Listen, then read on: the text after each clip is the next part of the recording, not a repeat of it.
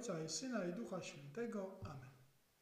Zdrowaś Mario, łaskiś pełna Pan z Tobą, błogosławionaś Ty między niewiastami i błogosławiony owoc żywota Twojego Jezus. Święta Mario, Matko Boża, módl się za nami grzesznymi, teraz i w godzinę śmierci naszej. Amen. Znowu jesteśmy zamknięci w kwarantannie.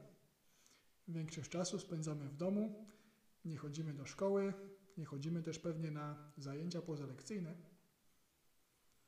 Ale czy to znaczy, że nie możemy postępować dobrze i być radosnymi? Oczywiście, że tak. Człowiek może być radosny cały czas, niezależnie od okoliczności. Dzieje się tak, kiedy postępuje dobrze, kiedy pomagamy innym. Jest taka scena w Ewangelii, być może ją pamiętasz, kiedy Pan Jezus, kierując się do Jerozolimy, przechodzi przez pogranicze Galilei i Samarii. Możesz sobie trochę wyobrazić tą scenę, kiedy Pan Jezus chodzi ze swoimi apostołami i nagle taka grupa ludzi zaczyna do Niego krzyczeć. Są to trendowaci. Zaczęli Go wołać, prosili, aby ich uzdrowił. Trąd to była bardzo zaraźliwa choroba i osoby, które były nią zarażone, nie zbliżały się do ludzi zdrowych. Musieli żyć daleko od innych. I dlatego wołali Pana Jezusa, żeby On ich uzdrowił. I Pan Jezus powiedział im, aby poszli pokazać się kapłanom. Tak się działo, kiedy ktoś wyzdrowiał z trądu, szedł pokazać się kapłanom, aby oni potwierdzili, że jest zdrowy i że może wrócić do normalnego życia. I w drodze ci kapłani, kiedy szli właśnie tą taką drogą, zostali uzdrowieni.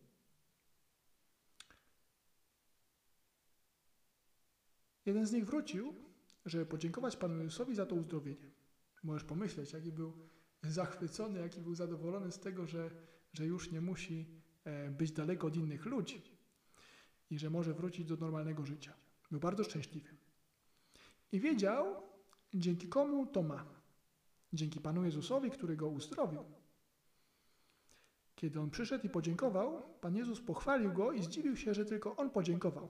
Pozostałych dziewięciu uzdrowionych nie podziękowało. I jak ta historia odnosi się do naszego życia? Ona mówi nam, że warto być wdzięczny. Ten człowiek uzdrowiony e, no, był szczęśliwy, dlatego że został uzdrowiony, ale też to szczęście wzrosło, kiedy dziękował, kiedy właśnie przyszedł i zdał sobie sprawę i podziękował tej osobie, która mu pomogła, Panu Jezusowi. I każdy z nas może zdać sobie sprawę z tego, że dostaliśmy bardzo dużo. Pomyśl szczególnie o swoich rodzicach, jak dużo od nich dostałeś, jak, jak bardzo Cię kochają, jak, jak dbają o Ciebie, jak dają Ci ubranie, jedzenie, wszystkie potrzebne rzeczy, jak dają Ci dobre wskazówki, jak dobrze się zachować, jak tłumaczą Ci różne rzeczy. Dostałeś i dostajesz cały czas od nich bardzo dużo. Co możesz zrobić? No, odwdzięczyć się, dziękować. Możesz dziękować na wiele sposobów.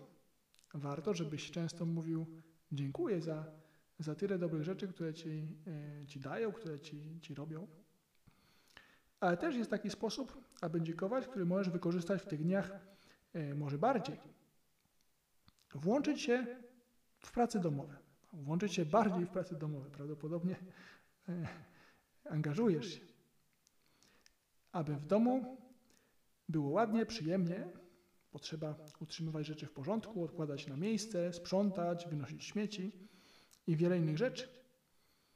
Pewnie masz jakieś obowiązki domowe, a nawet jeśli ich nie masz, to możesz pomyśleć, co możesz zrobić dobrego dla domu. I kiedy będzie ci trudno się za to zabrać, kiedy przyjdzie pokusa lenistwa, pomyśl, jak dużo dostałem od rodziców, jak bardzo mnie kochają, Wtedy nabierzesz ochoty, aby im podziękować, podziękować czynami, z radością wypełniając swoje domowe obowiązki. Matka Boża chętnie wykonywała swoje obowiązki w domu. Dlaczego? Bo cały czas pamiętała, jak bardzo Pan Bóg ją kocha. Możemy prosić Matkę Bożą, aby pomogła nam wykonywać nasze obowiązki z wdzięcznością i dlatego bardzo chętnie. Zdrowaś Mario, łaskiś pełna Pan z Tobą, błogosławionaś Ty między niewiastami i błogosławiony owoc żywota Twojego Jezus.